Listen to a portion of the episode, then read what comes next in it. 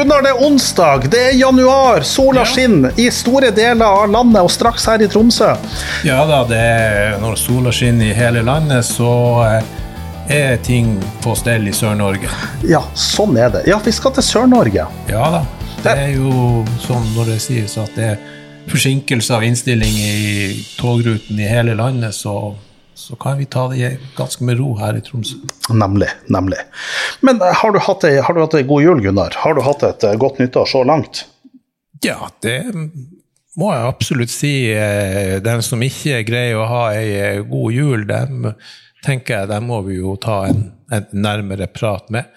Det er vanskelig å ikke ha ei god jul så fremt ikke noe skjer som man ikke har planlagt sjøl. Men uh, vet du Gunnar, hvorfor det ikke lenger er pyramider i Egypt? Nei, det er jo for at det ikke er egyptere lenger i Egypt. Jeg tror det skyldes hun Kleptopatra. Mm. Den var jo slett ikke verst. Og, og hvis du blir jaga gjennom skogen av en flokk med ville taksidermister, hva er det viktigste rådet da? Det, det er ikke å stoppe. ikke spill død. ja, eller å stoppe helt, for da blir du stoppa ut. Ja, ja, nemlig. Nemlig. nemlig.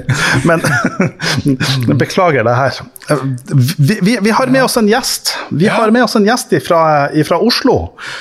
Um, Jan Grønbekk, velkommen til Juss og Joss. Beklager at du må liksom høre på nordnorsk humor her. Tusen takk, det går veldig bra. Det er gøy å være med. Eh, vil du først si hvem er det vi har vært så heldige å få med oss i studio? Hvem er Jan Grønbekk? Du, jeg eh, er 56 år. Jeg har eh, vært så heldig at jeg har fått være med på kan du si, digitaliseringen av norsk medieindustri siden 1994. Og eh, De siste 15 årene av karrieren min så jobbet jeg for eh, Google, som jeg startet i Norge, og hvor jeg jobbet i 15 år. Så eh, det er kort, kort om meg. Så Da vil vi få mange treff hvis vi googler Jan Grønbekk. Ja, eller kanskje ikke. Det, det, er mange som sier at de ikke finner noe informasjon om meg der, så vi får se. Mm. Det er, alltid et, det er alltid et interessant eh, spørsmål. Men altså, du har vært med og bygd opp Google i Norge. Jeg ser på, på LinkedIn-profilen din, så sier du at du har eh, ja, at det er liksom den beste arbeidsplassen i Norge gjennom ti år. Eh, eller at den er mest ønska blant arbeidstakerne sine. At du har på en måte bygd deg opp både som en leder, men også i forhold til teknologien. Og du da har sittet i den rollen mellom de store internasjonale eh, selskapene og eh, det norske arbeidslivet og den norske utdigitaliseringsverden. Hvordan har det vært? Det må jo ha vært en eventyrlig reise? Ja, det var, eh, det var, helt utrolig spennende. Og det startet egentlig med dobbeltklikk i 1998, som eh, var den teknologien som gjorde at eh, alle kunne se forskjellige annonser på forsiden av VG, avhengig av hvem de var og hva de var interessert i. Og at annonsørene for første gang i historien kunne se hva, hva reklameinvesteringen deres var verdt. Dette selskapet ble senere kjøpt av Google. Jeg begynte i Google litt før det, men det å sitte så nære til der all utviklingen skjer, og liksom vite om de tingene Google skal lansere to-tre år før de gjør det, og, og, se den effekten det får på folk, det har vært veldig gøy. Og hvis du tenker på én ting eh, i, i 1991-92, da Bill Clinton ble president, så kan du si han Ingen i verden hadde mer informasjon tilgjengelig enn han. Han hadde et, sant, et, et haleslep av rådgivere og, og, andre som kunne fortelle han alt mulig. Men i dag så har jo da en eh, ti år gammel gutt i verdens fattigste land, så lenge han har tilgang til internett og en mobiltelefon, så har han tilgang til mer informasjon enn det Bill Clinton hadde da han ble president. Så det har jo forandret verden. og den uh, den reisen var det forferdelig morsomt å være med på. Nemlig. Ja, Det tror jeg er kjempegøy. Men det, det, altså Juss og Joss, vi snakker jo om juss eh, og, og, litt joss. Og så tenker jeg at, fordi at Vi har jo sett denne utviklinga, så det vi ønsker på en måte å fokusere på, okay, men hvor, hvor er det vi er kommet hen i denne reisa i forhold til jussen, og hvor er det vi kommer til å, til å komme hen herifra, og, og hvordan, hva er på en måte jussens i forhold til det her? Hvis jeg, hvis jeg får lov, så er det litt spennende å ta liksom et lite steg tilbake der. Fordi eh, Norge har vært utrolig flinke opp igjennom til å eh, automatisere, robotisere og digitalisere forskjellige bransjer. Eh, bare ta mediebransjen. Eh, Norge er blant de beste i verden når det gjelder digitalisering. Men også industrien. hvor Først så sendte vi alle, all byggingen av skip og sånt til utlandet for det var billigere, og nå har vi tatt det tilbake igjen fordi vi har automatisert hele bransjen. ikke sant? Men den ene bransjen som vi ikke har klart å automatisere eller digitalisere, har jo vært jussen. Mm. Og jeg husker da jeg, da jeg, begynte i Google, så hadde jo mange av mine venner som er advokater, de hadde jo knapt tilgang til internett. Fordi eh, de forskjellige advokatfirmaene var jo livredde for at internett var en eller annen sikkerhetsrisiko for advokater. Nemlig. Eh, akkurat som du ikke kunne putte et hemmelig dokument en, eh, på innerlommen og rusle ut uh, hovedinngangen. Altså, Eh, sånn at eh, Den transformasjonen der har tatt utrolig mye lengre tid i, i jussen. Og Det som i mellomtiden også da har skjedd, det er jo at eh, liksom, timelønnen til en jurist har gått fra kanskje 1000 kroner timen til nå kanskje 7000-8000 kroner timen, på det mest ekstreme. Men, men, man jobber fremdeles på den gamle måten. Og så er det en del av de oppgavene som jurister gjør, som jurister strengt tatt ikke burde gjøre. Eh, F.eks. det å skrive generalforsamlingsprotokollen i forbindelse med en kapitalforhøyelse. Eh, det er ting som veldig lett kan automatiseres. Eh, og, og som jeg skal fortelle om eksempler på etterpå. Men, men, men, hvor du ikke trenger folk som, som holdt på å si, fører fakturaen med gaffel, og, og, skal bruke, og som også er eksperter, og som da skal sitte og gjøre kjempekjedelige, repetitive oppgaver Eh, for at, eh, at, kunden skal bli happy. Så, så, her tror jeg det er et enormt potensial for eh, automatisering. Nemlig. Men da er vi inne på, på det store næringslivet og denne delen. Men jeg tenker, jeg tenker at det er to viktige størrelser her i, det, i denne. Altså hva er det praktiske jurister jobber med? Den ene, ene delen de jobber med, handler jo om en faktum, og det andre handler jo om en juss, altså om jussdelen.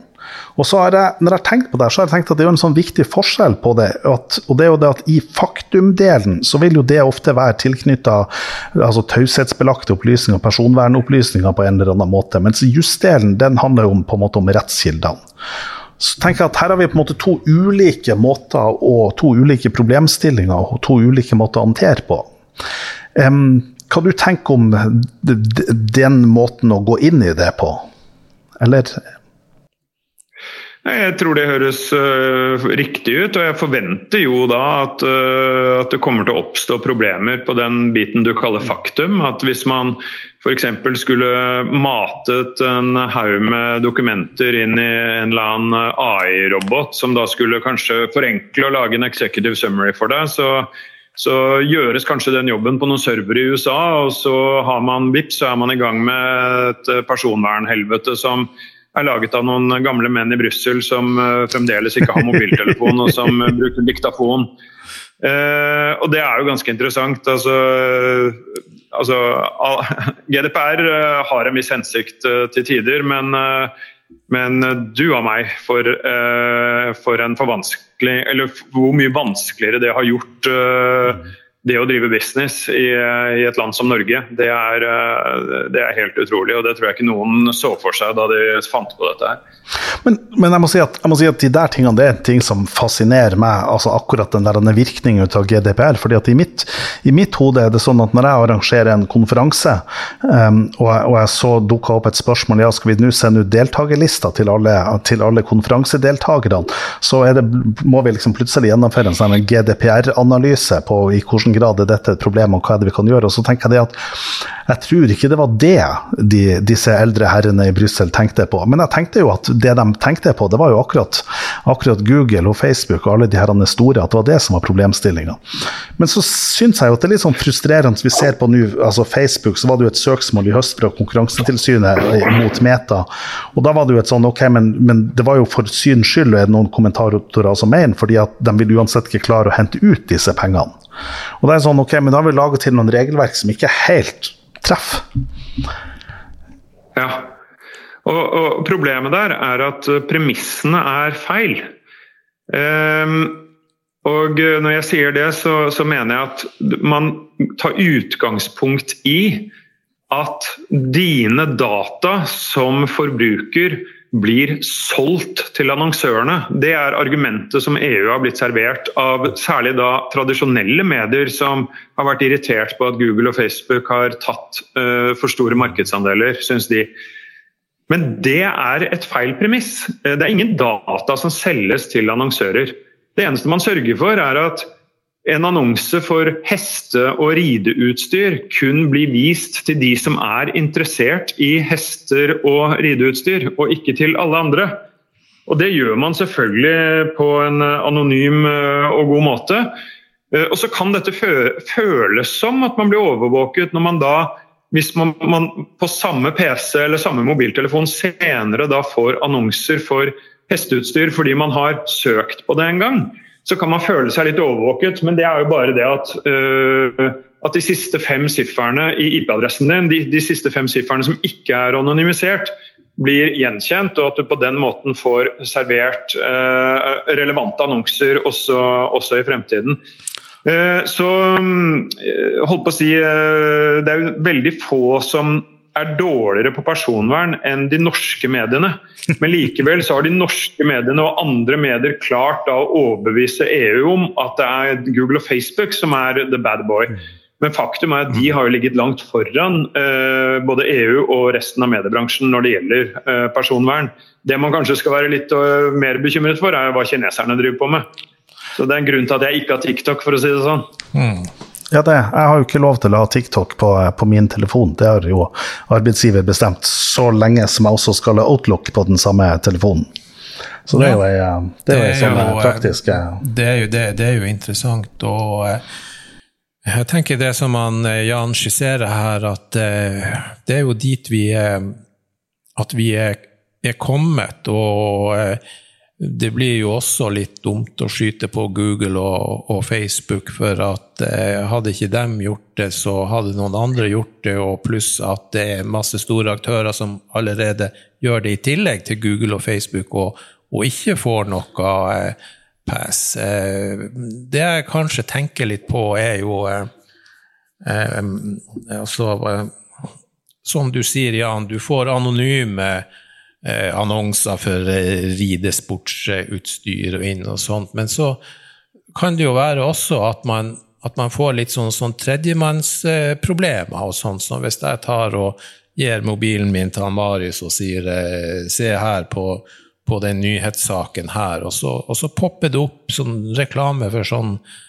SOM-utstyr, sånn pisk og og lakk og lær og sånt. Og da tar jo han Marius Fordi at telefonen har liksom gjort en ansiktsgjenkjenning på meg, da, og så plutselig så får du opp de reklamene på din telefon. Er det det du er redd for? Ja, det hadde jo vært et ønskelig eh, resultat. Men altså, det, det, vil jo få en sånn utilsikta konsekvens da, kan vi se, at han Marius da kanskje får tak i altså, opplysninger fra mitt privatliv og hva jeg driver på med fritida. at jeg ikke er noen sånn skinnhellig professor som bare preiker lov og rett. Og men at er skinnprofessor? Ja, skinnprofessor, det er jo noe så sin sak. Men skal vi si, i hendene på, på, på, feil folk, så, så kunne jo det bli litt eh, farlig for meg, som jo da i prinsippet skal være en fyr med en sånn viss fallhøyde. Ja, jeg, jeg, jeg, ser det. Eh, da er jo løsningen selvfølgelig at eh, når du søker på de litt mer tvilsomme tingene, så må du bruke inkognito-modus. Da slipper du den uh, gufne situasjonen. Eller ikke låne bort telefonen din, selvfølgelig. Ja. Men jeg bare tar ett eksempel. For ti år siden så hadde Google noe som het Google Glass. Husker dere det? Disse brillene som, hvor du kunne søke men gjennom brillene. Du kunne bare snakke til dem, og så kunne du få svaret opp i brillen. Da hadde man teknologi på ansiktsgjenkjenning som gjorde at uh, hvis jeg gikk nedover gaten og møtte dere to, så ville navnet deres poppe opp uh, oppi høyre hjørne på de brillene. Uh, det er jo teknologi som, som, kineserne har brukt lenge, og, og som, som, som politiet i visse land har tilgang til. Men ikke Google sin. For Google sa dette er å gå for langt. Dette vil vi ikke mm. ha. Den teknologien som vi selv har laget, den skal vi ikke bruke. Så den ble bare lagt ned og, og brukes ikke. Og Det er et eksempel på hvordan man driver, må drive selvjustis i en bedrift som driver innovasjon på det nivået. Eh, og, eh, og eh, hvor, hvor, liksom igjen da disse gamle mennene med, med sekretærer som ikke har, har mobiltelefoner engang, som lager disse lovene. For dem, de har jo knapt tenkt den tanken, ikke sant? for de vet jo ikke at teknologien finnes engang. Men, så, så, ja. ja. Men, men, det jeg syns er litt sånn vanskelig med akkurat denne diskusjonen, det er at, det at jeg tenker at her er det sånn at eh, det det er en vanskelig diskusjon, og det krever på en måte en kunnskap. Og så er det på en måte en sånn retorikk i det også. fordi at når du liksom sier disse gamle herrene er uten mobiltelefon, så er det litt sånn at da males det liksom et bilde ut av dem. Og så tenker jeg at, men Det er veldig viktig det, det innspillet som du kommer inn. Så, men så sier du på en måte en selvjustis, og så er jeg også enig i at det må en selvjustis. Men samtidig så har historien lært oss at, at det på en måte den selvjustisen er jo ikke tilstrekkelig. Altså hvis vi da ser på, hvis vi da f.eks. ser på Facebook eller TikTok som på en måte er på et litt annet spor, og vi ser på de sosiale mediene, så har man der laga til en algoritme hvor formålet med algoritmen er på en måte å gjøre, skape en avhengighet og knytte mennesker til det, sånn at man skal bruke mer tid på det. Og da er det, da er det på en måte i, i, blir det flere og flere som på en måte påpeker at man da er på en måte på en utvikling, og det som skaper denne utviklinga, er er en manglende selvjustis og at det er en manglende regulering. At man må på en måte gjøre en regulering for å finne tilbake konsentrasjonen. er liksom ett sånn, et sånn argument. Så Dermed tenker jeg at det er en komplisert, ja. det, det, er en komplisert prosess av det. Ja. ja. jeg er helt enig. og det jeg sier ikke at det trengs regulering, på, for, all, for, all, del. og uh, Det er nok nok av historier eller nok av eksempler opp gjennom historien som viser at selvjustis ikke er bra nok. Men, men, samtidig så er det mange eksempler på at uh, bransjen faktisk bedriver en del selvjustis allerede. Men det, det, vil selvfølgelig ikke være nok. Og ikke med tusenvis eller millioner av aktører i den samme bransjen, så, så går jo ikke det. Det er jeg helt enig i. Så, så, absolutt. Men samtidig da, så er det jo viktig nå at man prøver å se mulighetene i dette her, og ikke bare begrensningene. fordi eh, det er jo Eh, den tiden vi er oppe i nå, så ser vi jo at vi har muligheten til å effektivisere alle mulige eh, virksomheter med 20-80 ved hjelp av å bruke ny teknologi på en fornuftig måte. Og det er det så veldig få som benytter seg av sjansen for å gjøre. Yes. Du, vi, vi har med oss en folkets røst. Vi har en, vi har en, en, en, en jusstudent som har vikla seg inn her fra Bergen, som er kommet inn her og har, og har med seg noen spørsmål og kommentarer. Um, hva, hva, hvordan, hvordan innspill hadde du? Vær så god, Astrid. Yes. Jeg har forvillet meg opp her i Tromsø fra Bergen med ja. noen spørsmål. Ja. Eh, ja. det er jo Folkets Røst som har fått inn en del eh, spørsmål da, på Instagram. Ja. Plukket ut eh, noen få som jeg syns var veldig interessant i forhold til dette her med kunstig intelligens. Eh, og det er jo da i hvilken altså, hvilke grad tenker man at det er sannsynlig at kunstig intelligens griper inn i dagens eh, juristvirksomhet? Altså, vil, vil man ende opp på en måte på et sted der at kunstig intelligens vil prosedere i retten? Ja, Det er et godt spørsmål. Mm. Jan, vil du, vil du begynne eh, med glasskula, eller? Ja, nei, altså Hvis jeg får lov å bruke vårt eget selskap som et eksempel, så kan, så kan jo det være en start. Eh, jeg, jeg, har jobbet nå tre år og er nå i styret i et selskap som heter D-Company. Det ble startet av eh, en partner i Wiersholm advokatfirma, og, og årsaken til det var rett og slett at han så at det var en del eh, oppgaver innenfor aksjeloven som eh, veldig lett kunne automatiseres. Mm. Eh, og eh, dette går på alt fra det å etablere et selskap til eh, å gjennomføre en fisjon eller en fusjon eller eh, ha en kapitalforhøyelse og all den dokumentproduksjonen som skal til i den sammenheng. Som man gjerne da kan bruke hundretusenvis av kroner på hvis man får en advokat til å gjøre det og som man kan gjøre på ti sekunder gratis uh, ved hjelp av et slikt verktøy. Uh, det gjør de Company i dag for uh, hundrevis, snart tusenvis av kunder i, hele Norge, og, snart mange flere. og Det er ett eksempel på hvordan, hvordan ting kan automatiseres. Når det gjelder det å prosedere i retten, så nå er jeg ikke jeg jurist, det er litt viktig å, å påpeke. Uh, men uh, jeg tror vel strengt at ikke vi kommer dit. Uh, vi, det, selv om vi har sett filmer fra Hollywood, nå husker jeg ikke hva, de, hva, den het, men det var en film med Tom Cruise der han ble dømt av en, en dommer som var da bare en mm. datamaskin, rett og slett, og ble sendt til livstid på en annen planet. Minority men jeg, jeg tviler på at vi kommer dit. Men, men det er klart at en, en annen ting, da.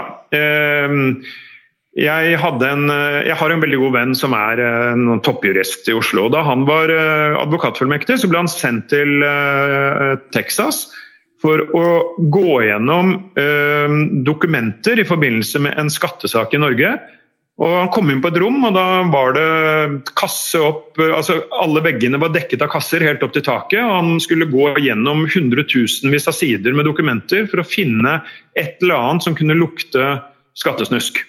Mm. Um, det kunne man brukt en maskin til å gjøre. Uh, altså Man kunne rett og slett digitalisert alt dette her mye raskere, og så bare rett og slett brukt uh, et eller annet program og funnet det svaret i løpet av kanskje noen timer. Eh, han brukte jo et halvt år på dette, her, ikke sant? og han fant jo sikkert noe, men det var jo ufattelig kjedelig og kostet jo da klienten eh, sikkert 100 millioner kroner. ikke sant? Så, det, eh, så sånne ting tror jeg eh, altså Det er der vi vil se dette bli mm. brukt, mm. Mm, ja, det... og ikke nødvendigvis at eh, ja, ja, det mener jeg også har blitt gjort si i, eh, i, eh, Amsterdam, faktisk. Jeg var på et sånn foredrag med Mathias Hauglid fra Hovin, som er, han har doktoravhandling i eh, kunstig intelligens, da.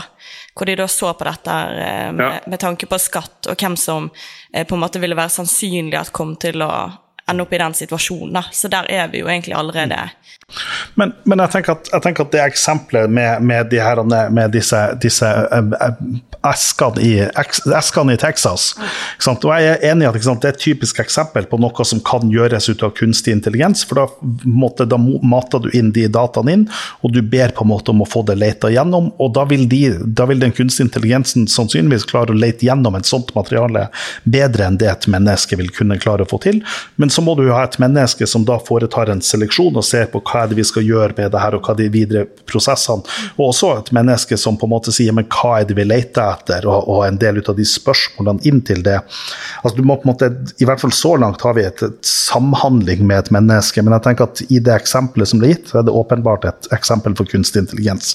Ja. Men så hvis vi tar, da, tar det neste, så går vi da til den saken i retten. Mm. Ok, Men hva er det advokaten gjør i retten? Jo, det advokaten gjør i retten, det er jo det at sant, det handler om to ting. Det ene er det faktum, og det andre det er jussen. Og da vil det jo være sånn at, bruke, at advokaten vil kunne bruke kunstig intelligens og få hjelp til å bearbeide datamaterialet i det på samme måte som i Texas-eksempelet, det tenker jeg at vi snarest mulig bør komme fram til. Um, men så er det jo den anvendelsen og det å koble over det. Og der viste det seg jo det at kunstig intelligens får til en del der. Men, men i hvert fall, altså, når en liksom jobber med GPT4, så ser jeg det at den, den, har et stykke igjen. Og det samme med Bard, og det samme med, altså med alle de tilgjengelige, de tilgjengelige verktøyene. De vil hjelpe meg, men de gjør ikke jobben. Absolutt, og, og, der tenker jeg på en måte at hvis man skulle overlatt et sånt type arbeid til, en, til kunstig intelligens, så vil jo det også oppstille nye rettslige spørsmål som vi må ta tak i. Um, Jan, vær så god. Jeg har, jeg har bare et, et, innspill der. Eh, jeg tror det er litt viktig å tenke på, sånn som i medisin, da. Så tenker man at uh, kunstig intelligens brukes for å gjøre legene bedre. Det skal aldri erstatte legen. Og Sånn bør det også være i jussen. At uh, det skal gjøre både jobben og livet til advokaten lettere. Det skal øke rettssikkerheten, men det skal aldri erstatte verken dommeren eller advokaten. Det er sånn jeg ser på det. Og, uh, og La oss si da at man står og prosederer i en uh, rettssal. Du har en, en, si, en kunstig, kunstig intelligent robot som sitter og lytter på deg. Eh, som da kan komme opp med f.eks. presedens som du ikke var klar over, eller eh, andre sant, tidligere rettssaker, eh, anvendinger osv. Og, minne deg på det mens du står der. Det er jo helt fantastisk. Det blir en genial assistent, på en måte. Men, men sånn at Hele poenget her er at AI skal rett og slett gjøre, gjøre oss bedre til det vi gjør, men det skal ikke erstatte oss nødvendigvis. Bortsett fra i oppgaver som er kjedelige, farlige eller skitne. Der skal det og bør det erstatte oss. For eksempel da det, det, er 750 millioner mennesker på jorden som livnærer seg med, med, å, fra, med, å, kjøre ting fra A til B, enten det er mennesker eller varer. Det sier seg selv at om, om 20-30 år så, så, skjer ikke det. Ikke da kjøres disse tingene av seg selv eller flyr med en eller annen drone eller et eller annet sånt noe. Men det er ikke mennesker som skal sitte og kjøre 20 melkekartonger fra, fra Gol opp til et hotell på vidda, det er det jo selvfølgelig en, eller annen uh, selvkjørende enhet som gjør. Det, det, blir en annen sak. Men det reiser noen, det reiser noen interessante spørsmål om den samfunnsutviklinga. fordi at alle disse 750 millionene mennesker som jobber som sjåfører i dag, ja. så er det sånn ja, ok, det, da er det på en måte det man da kan kalle altså bullshit jobs. altså At det er på en måte jobber som er, blir overtatt av teknologien. Men samtidig så er det sånn at for de menneskene er det jo med å gi en personlig mening til livet, og det er også med å gi en inntekt. Og så er det spørsmålet ja, hva, hva skjer med disse menneskene i det her, og det er jeg veldig spent på. ja, jeg tror vel at alle må vel ta en mastergrad, da. Ja, ja, nemlig. Det kan de jo skrive gode Nei, det tror jeg. Det, det er, dette har vi vært gjennom før, ikke sant? så her har vi masse historikk. Ja. Eh, ta Eh, gå tilbake til type 1910, da Norge var verdens største seilskutenasjon. Mm. ikke sant? Og mer eller mindre over natten så mistet alle sammen mm. jobben sin. Eh, de eneste som tapte på det, var rederien, eller var de som bygde seilskuter. Alle som jobbet på seilskuter, fikk jo jobb på dampskip. ikke sant? Og, og tilsvarende vil det være her også. Jeg tror uh, de som i dag uh, slipper å grave en tunnel for hånd, når det nå blir gjort av en svær maskin isteden, de er ganske glad for at de slipper å grave den tunnelen for hånd. Og jeg tror også De som kjører drosje i Mumbai, vil være ganske happy for å slippe å kjøre drosje i Mumbai, hvis de heller kan sitte på et kontor og operere droner. ikke sant? Og det, det kan de godt gjøre. Så, så det, det, der eh, har vi vært gjennom før, og det går stort sett greit. Ja, det er sant. Og jeg, og jeg, må, si at, jeg må, si at, det er noen som er liksom teknologipessimister, og så det er noen som er optimister. Jeg må si at jeg er en, jeg er en optimist, helt grunnleggende teknologioptimist, men så er jeg, er jo livredd for det. Jeg er jo livredd for at den generelle kunstig intelligens skal komme og plutselig altså, utvikle seg, og, og, på en måte at plutselig mennesker maur.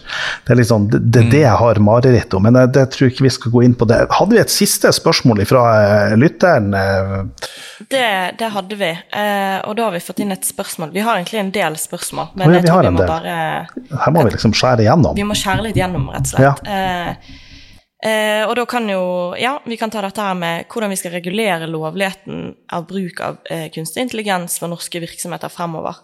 Og dette går også litt på en måte på man ser jo nå at flere og flere advokatfirmaer får sin egen på en måte sånn kunstig, kunstig intelligens-bot. Mm. Eh, spesielt i forhold til dette med personvern og altså GDPR og ja. den slags. Ja, hva du tenker om det, Jan? Ja, Hvis det var til meg ja, det, Jeg er i hvert fall sikker på én ting. at det skal, det skal, ikke reguleres på norsk nivå. Uh, det ville vært helt meningsløst ja. hvis vi skulle hatt 205 forskjellige lovgivninger på det området i verden. Så eh, det må reguleres på i hvert fall et EU-nivå. Uh, og jeg er helt enig, det må reguleres. Uh, mm. men, men, det må være regler som, som gjelder for for, eh, for, alle landene. Og så har ikke jeg nødvendigvis svaret på hvordan uh, den reguleringen skal se ut. Og det er jo fordi at, og det er jo kanskje den største utfordringen her. Den teknologiske utviklingen går så fort nå. Mm. At, og dere vet jo hvor lang tid det tar å, å få en lov uh, laget. Og Innen den loven er laget, så har teknologien tatt et nytt kvantesprang. Og så sitter man da med en lov som gjelder for en teknologi som var kul for to år siden, og som nå ser på som helt utdatert. ikke sant? Nemlig. Og sånn at, at dette, blir, dette, blir, en enorm utfordring for, eh, for, de lovgivende makter, for å si det sånn. Men, eh, men uansett, det er ikke Norge som skal sitte og regulere dette spesielt for norske bedrifter. For det er vanskelig nok å drive business i Norge som det er, for å si det sånn, med lover og regler og skatter og alt mulig rart som forandrer seg fra den ene uken til den andre. Men det, men det, var, det er litt sånn interessant. Vi, den aller første episoden vi hadde Juss og Joss, vår aller første, da snakka mm. vi om kunstig, altså, kunstig, intelligens og selvkjørende biler. Og, da var det, og da var det liksom et sånt spørsmål hvordan er reguleringa i forhold til det her. Og det var det en som da hadde skrevet masteroppgave på det, og tatt opp en del ut av de spørsmålene. Ok, Der har du lovverk, og du har noen biler, og du er selvkjørende bil. Hvem er det som har ansvaret? Hva er det som skjer hvis de krasjer? Hva er det som skjer hvis det er et straffbart forhold? og en del av det. Så det var liksom denne analysene rundt det. og først så var det veldig, sånn, veldig vanskelig. Men så var det vi på en måte oppdaga i den prosessen med den oppgaven, det er jo det at ja, det er mange av de her tingene som altså Lovverket er stort sett litt sånn robust nok i seg sjøl til at en god del ting det allerede regulerer.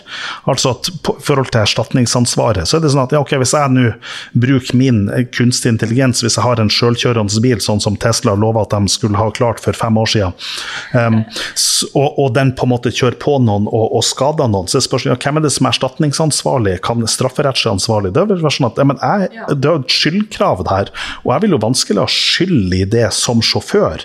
Og da er det spørsmålet ja, men hvem er det som har ansvaret for da? Det handler jo om både dels på Tesla sjøl, og så det dels et spørsmål om regulering. Men at sannsynligvis var den analysen som vi gjorde da, at, at sjåføren vil slippe unna. Og så er det spørsmålet erstatningsansvaret. Ja, og da har du de, Erstatningsreglene har jo disse ulovfesta objektivt ansvar fra farlig fabrikk på 1800-tallet. Så tenker jeg at ja, For meg så framstår det som at de reglene fortsatt vil kunne anvendes, de samme prinsippene. Um, Jan, hva du tenker om det? Er du. Ja, eh, dette har jeg både snakket og tenkt mye om de, de siste årene. Eh, det, det, vi må skille på her, er hvilken grad av selvkjøring det er snakk om. Så uh, La oss si i dag, da, hvis du har en Tesla, så er den i beste fall på det vi kaller nivå 3 mm. som selvkjørende bil. Uh, mens disse gradene går fra 1 til 5. Og I fremtiden så vil vi ha altså i, i, San Francisco i dag så er det biler på nivå 5. Dvs. Si at du setter deg inn i baksetet på en taxi fra selskapet Waymo, som var eid av Google. Og så sier du bare til bilen 'kjør meg til Market Street', og så kjører bilen deg til Market Street. Hvis den bilen krasjer, så er det Waymo som er ansvarlig, og ikke du. For du har kjøpt en tjeneste, satt deg inn i baksetet, og bilen kjører. Mm. Men hvis du, Tesla, hvis du, sitter i Teslaen din og trykker på selvkjøring og lar bilen kjøre deg til Harstad, og bilen krasjer på veien, da er det ditt ansvar i dag på, med en bil på nivå tre. Altså med, med altså selvkjøring på nivå 3. Det er fremdeles ditt ansvar. Ja. Det er sånn som jeg ser det, i hvert fall. Det, det, det blir jo akkurat som om man bruker biler på nivå 1 med, med cruisekontroll. Altså, ja, men jeg, bilen foran stoppet, det er ikke mitt problem, for cruisekontrollen merket ikke. Liksom. Altså, det, det, er jo, det, er jo, galskap, ikke sant.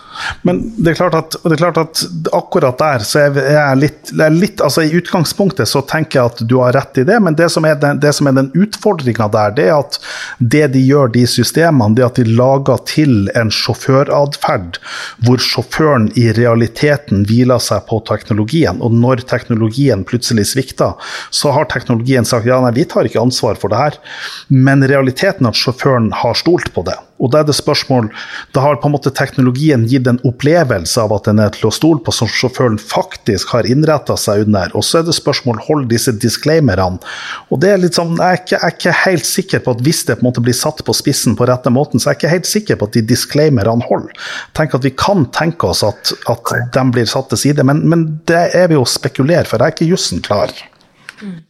Nei, men jeg tror, og da, da, har vi et eksempel på dette. fordi at, som jeg sa i sted, Teknologien utvikler seg nå så fort at lovgivningen, lovgivningen ikke klarer å holde følge. Innen vi har funnet ut av det spørsmålet du stilte der, så kommer vi til å være på selvkjørende biler med nivå 5. Nemlig. Ikke sant? Nemlig. Og da er du ikke lenger sjåfør, for da sitter du ikke bak et ratt. For det er ikke ratt i bilen. Ikke sant? Og da er det et helt annet problem.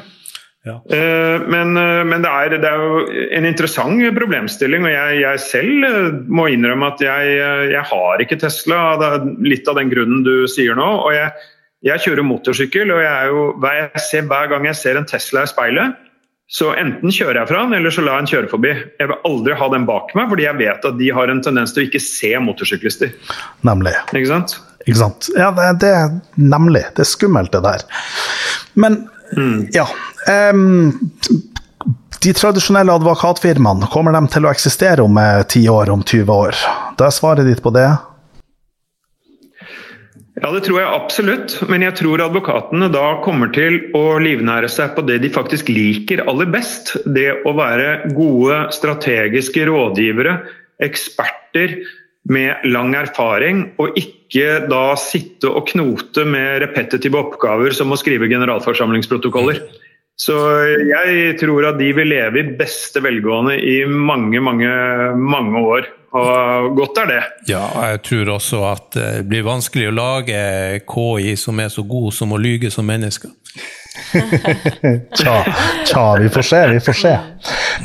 Aller sist, siste spørsmål, Jan. Har du et råd til eh, fremtidens jusstudenter, eller til dagens jusstudenter som er fremtidens advokater, de som sitter her og svetter over pultene og, og, og prøver, prøver, å ta en utdanning og prøver å forberede seg til den virkelige verden? Hva er ditt råd?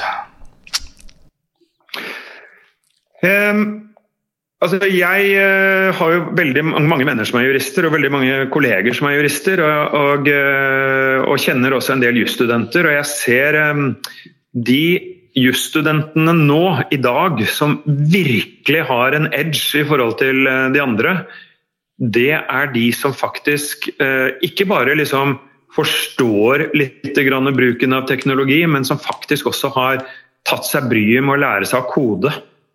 Så hvis jeg hadde, hvis jeg hadde vært uh, jusstudent i dag, så hadde jeg helt klart uh, tatt, noen, uh, tatt, et semester eller to på NTNU eller et annet sted og, og lært meg koding. Bare for å mm. forstå teknologien på en helt annen måte enn bare ved det å være en bruker. Og Det, mm. det tror jeg vil være kjempeviktig. Ja, så, så det, det, er mitt eneste mm. råd. Vi så jo det var jo en student som fikk en statsråd til å gå pga. at studenten hadde litt over gjennomsnitts IT-ferdighet. Ikke sant? Ikke sant? Nei, men eh, da tror jeg Jan Grønbæk vi sier tusen takk for det. Tusen takk for invitasjonen, det var veldig hyggelig å være med.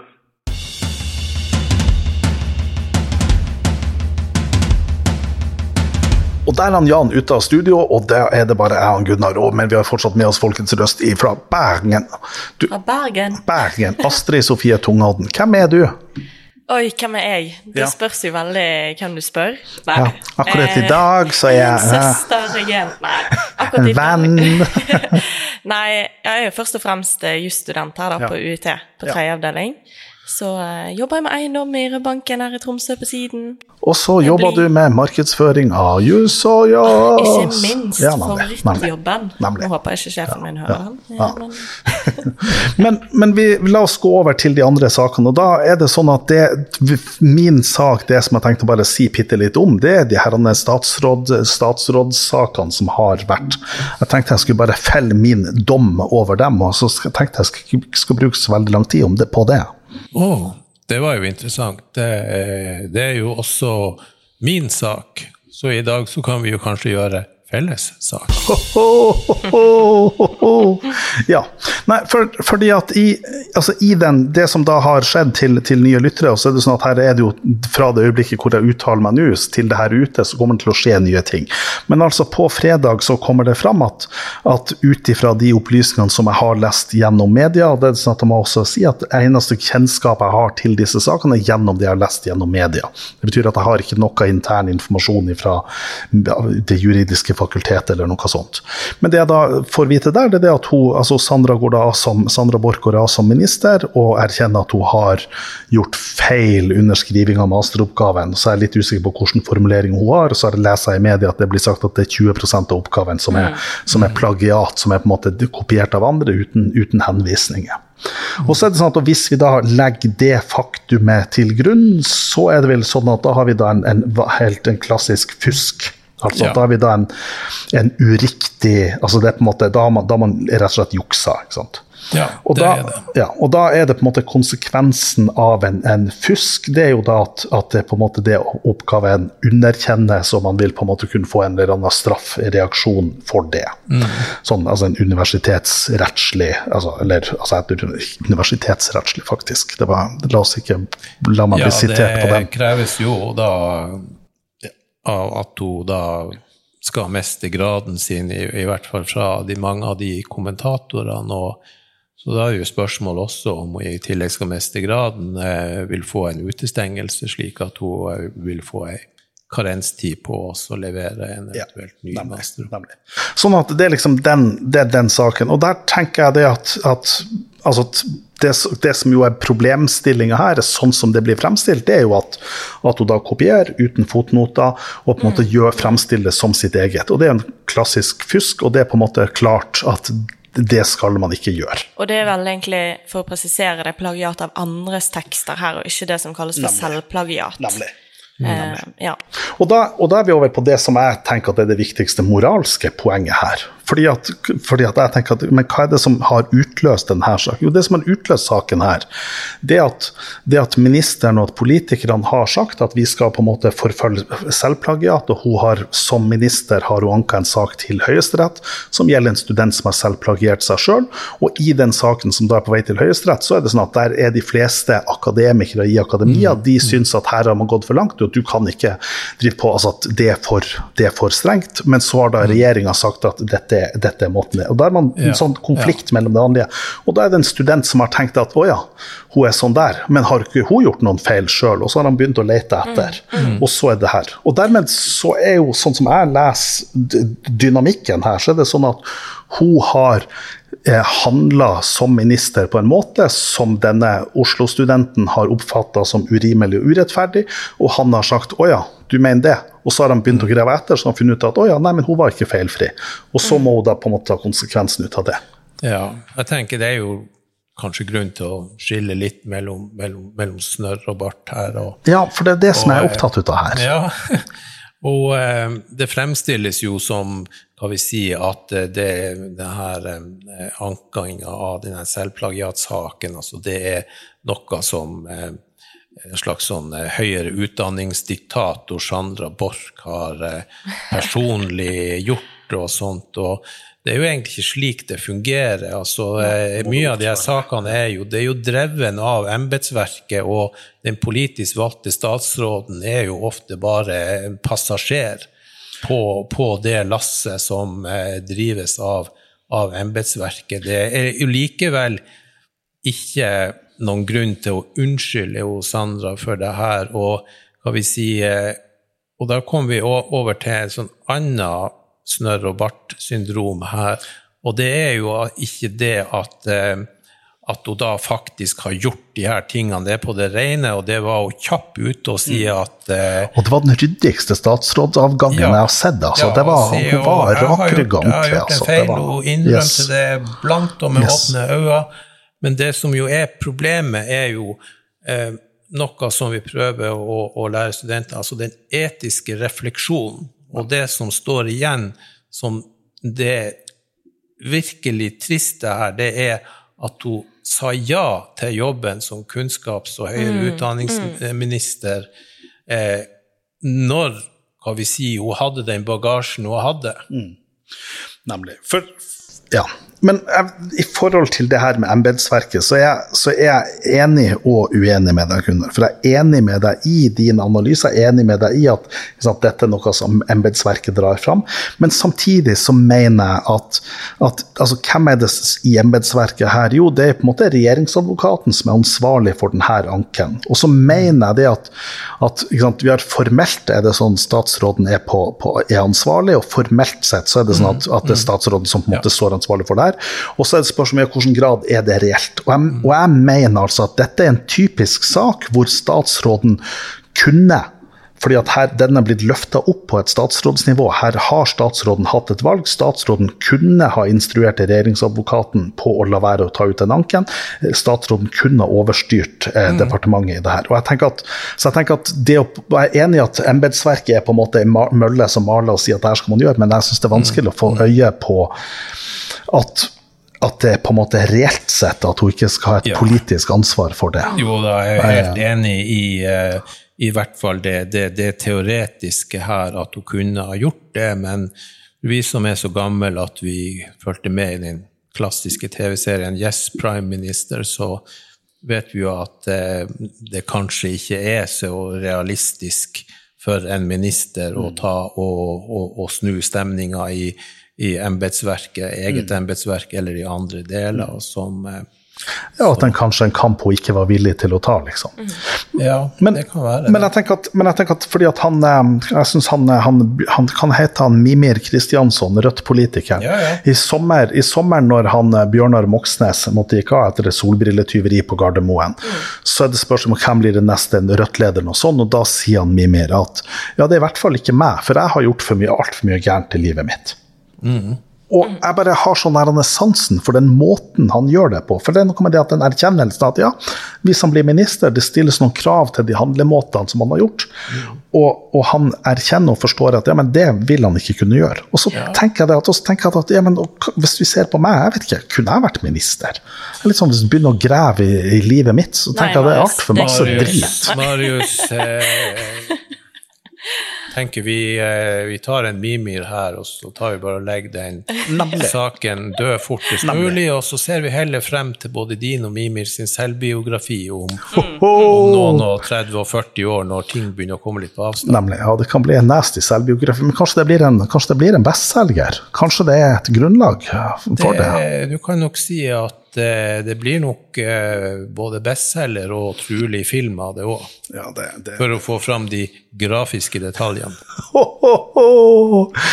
Men, men eh, så, må jeg, så, må jeg over, så må jeg over på Ingrid Kjerkol.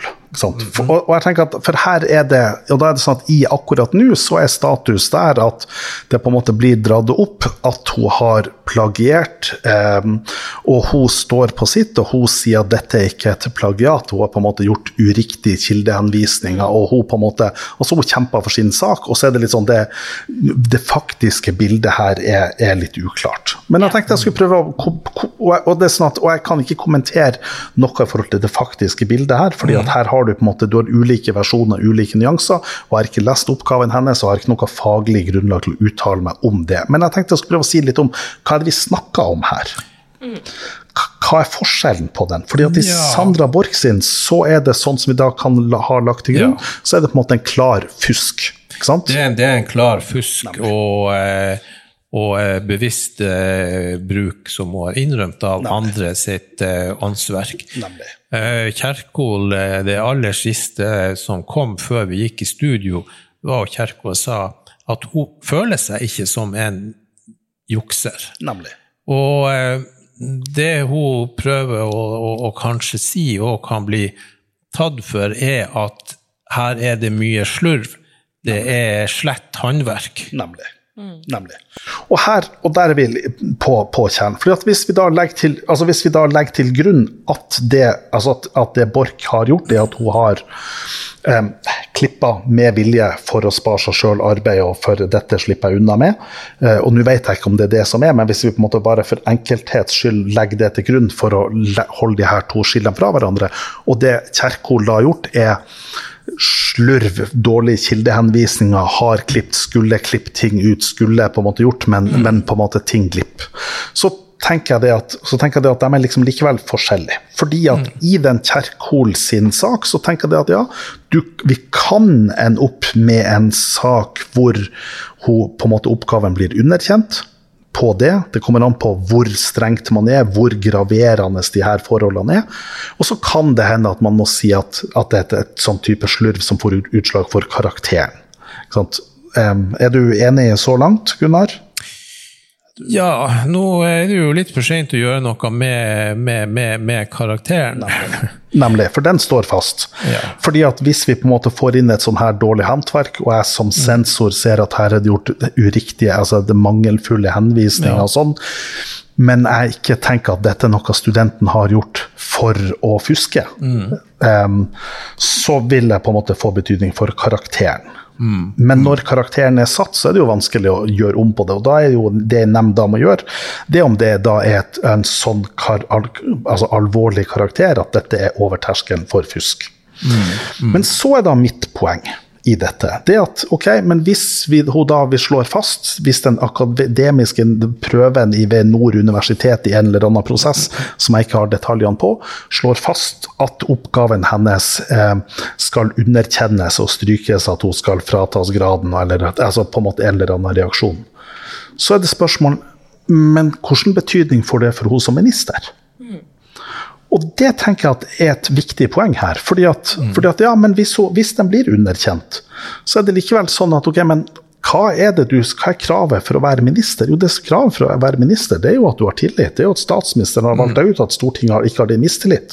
Og så er det spørsmål skal Stortinget stille mistillit til Kjerkol dersom oppgaven hennes blir eh, underkjent. Og så tenker jeg at det her er ikke gitt at det er to de samme størrelsene. Nei, det tenker jeg også. I mitt- eh, det her er jo ikke noe som hun har gjort som politiker, og for å stilles til ansvar eh, i Stortinget, så må jo det kan vi si, være et uh, utslag av ei altså politisk handling. Stortinget er jo ikke noe sånn moralsk gransker. Altså da, da kan de jo da kunne de jo like gjerne, som da en tidligere venstreleder var ute i en, en kornåker og, og koste seg, tatt og stilt mistillitsforslag på, på grunn av det. Nemlig. Nemlig. Og det tenker jeg er litt sånn viktigere. For jeg tenker at, for, for jeg tenker at, ja, men det at, altså jeg tenker at man kan ikke la denne oppgaven være det det står og faller på. Jeg tenker at hun står som minister på egne føtter, og hva det Helse Nord kommer fram til, det er ikke direkte relevant i forhold til hennes posisjon som minister. Mm. Det er klart, Hvis statsministeren mener at direkte relevant, så er det direkte relevant, og da vil han på en måte sparke ut av regjeringa. Eller hvis Stortinget ja. mener ja. at det er grunnlag for mistillit, så må sparke ut fra regjeringa. Men så mener jo jeg, basert på det jeg sa i stad om Mimir og det her, at, at ministre er mennesker, og ministre gjør feil. Og på, jeg har også gjort feil i mitt liv. Mm. Og så er det spørsmålet ja, men hvor, hvilken type feil i fortida er det du kan ha gjort før, uten at det skal få betydning for jobben. Og da tenker jeg det at da handler jo det om tillit. Mm. Um, så er det sånn at ja, Bjørnar Moxnes som har vært og stjålet solbriller, ja, jeg tenker at det er det vanskelig å si at vi skal sette han som minister, altså, for, for, altså som justisminister, f.eks. Ja, men hvis du snakker om tillit, altså han eh, det var ingen som diskuterte om han eh, skulle i skam gå av som stortingsrepresentant?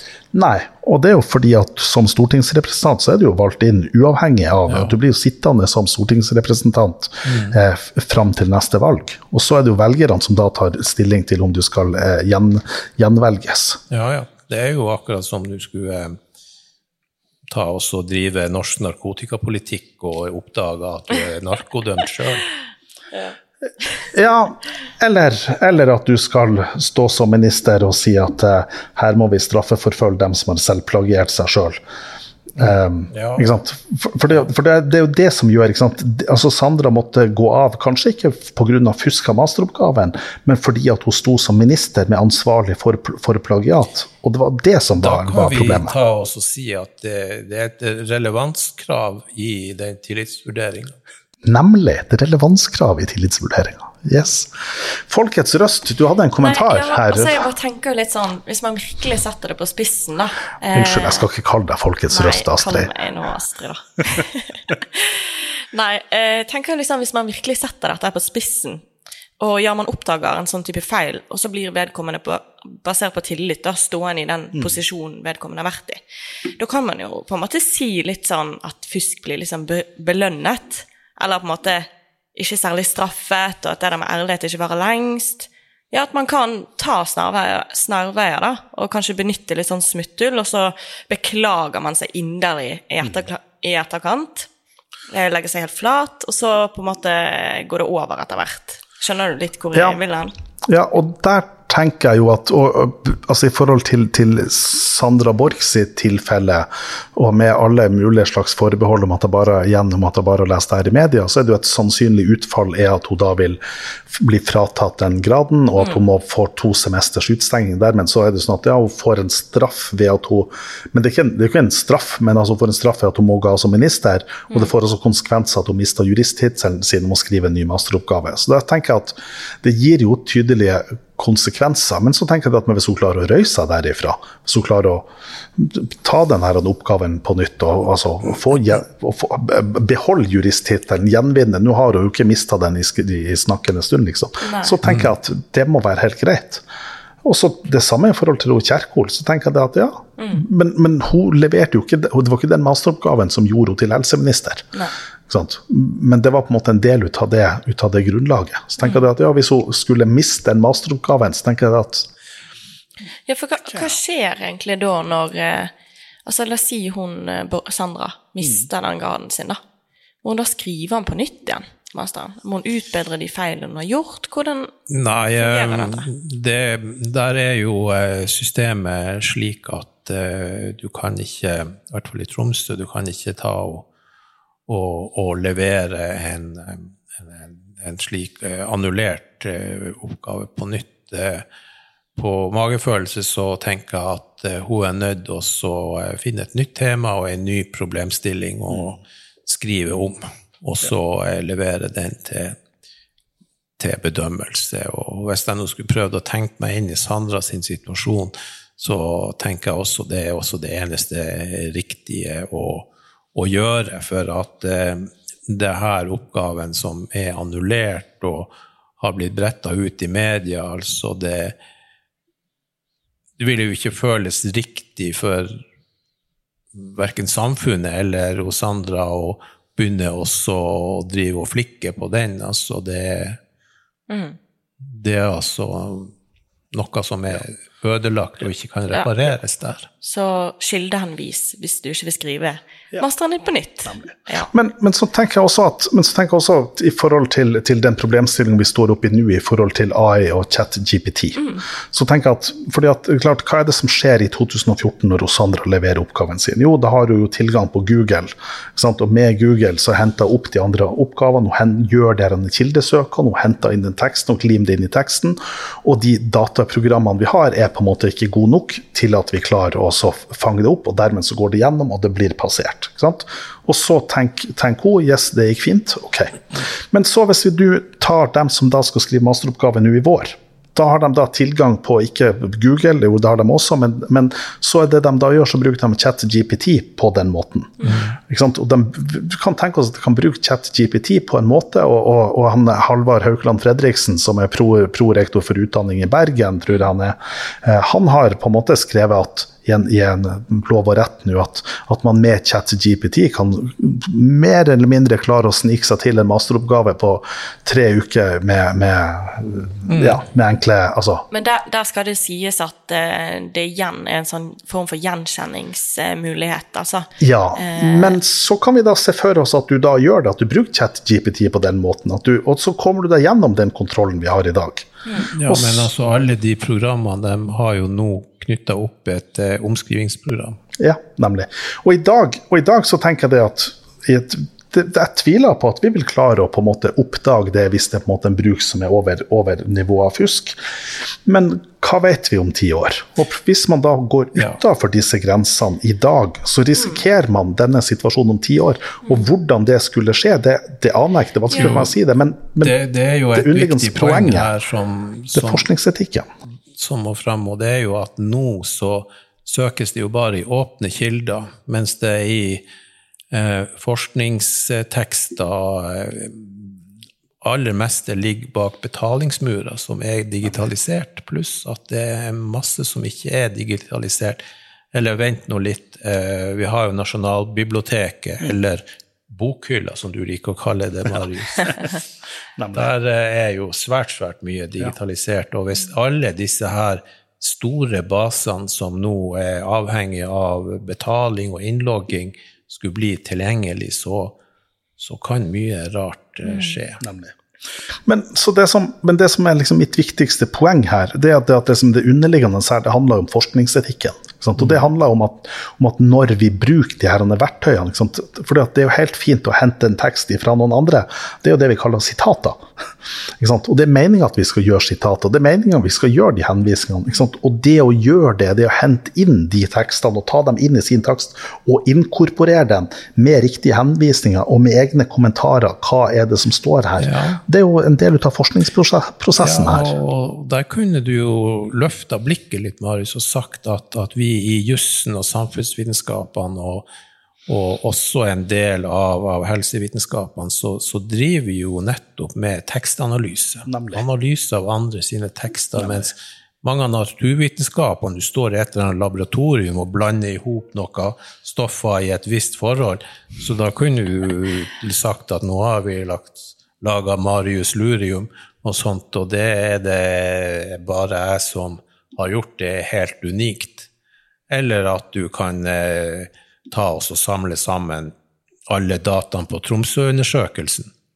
Som f.eks. noen du kjenner har benytta seg av. Ja. Dermed få et unikt eh, materiale, og, og du kan leve i en sånn ansvars- og skyldfri verden, for å si det her er et unikt materiale. Nemlig. Nemlig. Nei, så ja.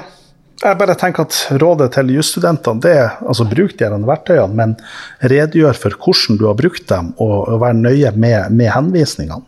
Mm. Jeg tenker at Det er på en måte det, det viktigste. fordi at Hva fremtida bringer, det vet man ikke. Men det å tenke at jeg kan ikke være minister fordi at jeg var litt usikker på hvordan jeg refererte, refererte på meg under masteroppgaven min, det, jeg tenker at det er et uheldig å ta med seg Ja. videre. Ja, men uh, vi kan jo si litt om den eh, nære framtida, og det lurer jeg på at vi står eh, på kanten av en slags masterinkvisisjon. For vi har jo Allerede i dag så er det jo eh, kommet fram en høyrepolitiker som sitter i utdanningskomiteen og skal foreslå nye regler om plagiat. Nemlig. Hun er avslørt. Nemlig. Og da, da er toget på skinnen. The shit show on the road. Men, men og, det som, og det som også bekymrer meg i forhold til det her, det, det er at når jeg, når jeg sitter og så skriver min tekst, og så finner, lurer jeg på ja, hvordan, hva er egentlig et reelt hensyn? Sant?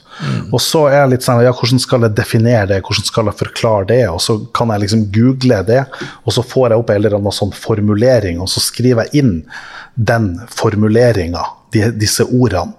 Og så er det jeg tenker når jeg gjør det, at dette er, et, dette er en alminnelig formulering. Dette er på en måte en uten at, og så tenker jeg at, og så Når jeg får opp de her sakene, så tenker jeg ja, kan det være noen ting i mine tekster at jeg har gjort en type at manglende formuler, henvisninger og sånn her. Og så Ja, tenker jeg at og det tenker jeg er sannsynlig, sant?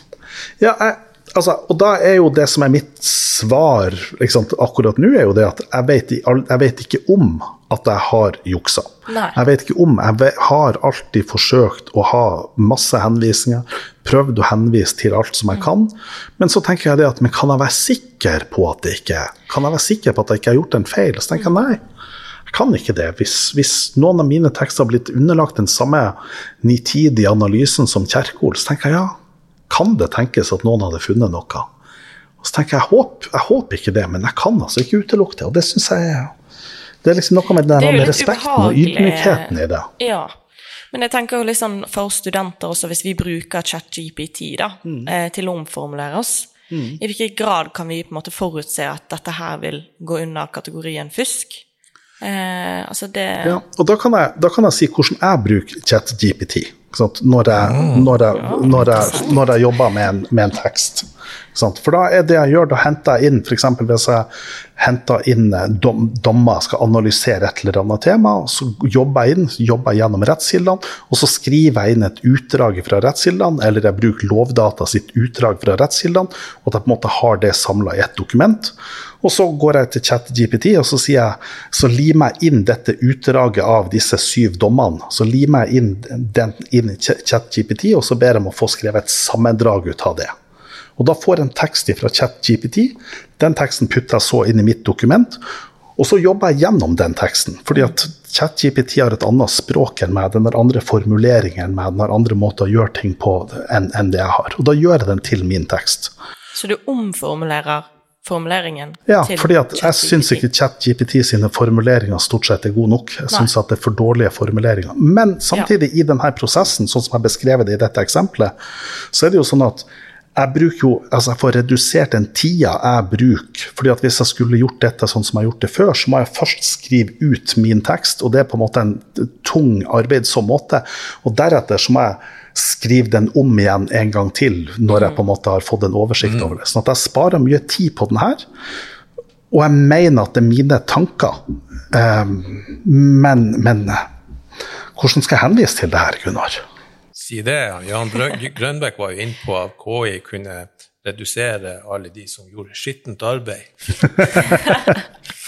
så, um, Ja.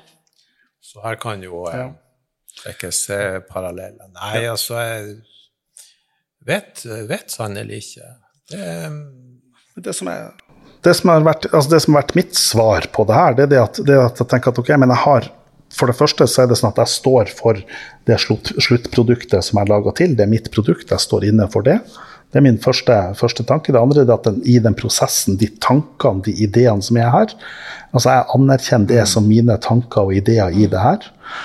og så tenker jeg det at fordi at jeg har en del av teksten har vært gjennom et AI-verktøy, så risikerer jeg den typen at det er setninger, at det er plagiat, at det er den type ting, Ja. som er utafor min kontroll. Ja, og men- da er det jeg gjør, at jeg lager til henvisning, hvor jeg sier i innledning hvor jeg redegjør for hvordan jeg har brukt det, som en fotnote.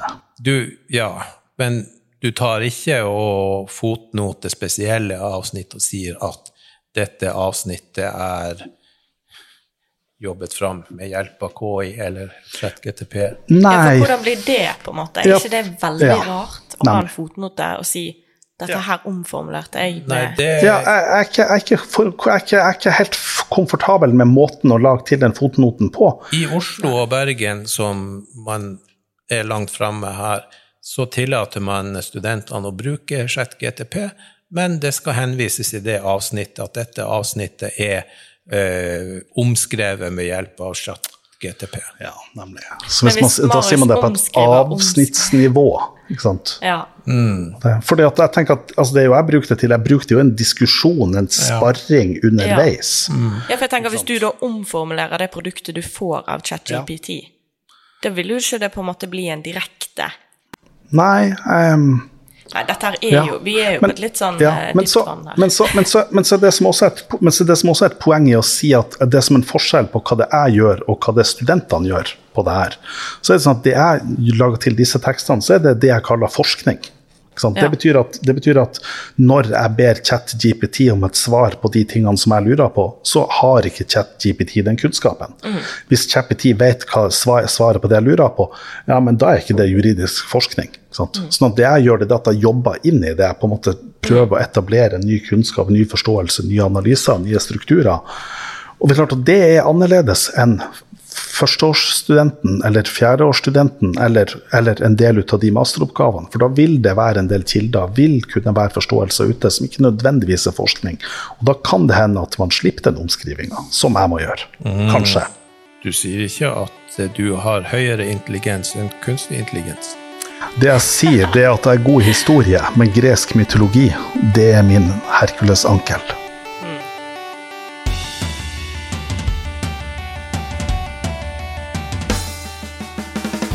Podkasten Just og Joss produseres i samarbeid med Result på Universitetet i Tromsø.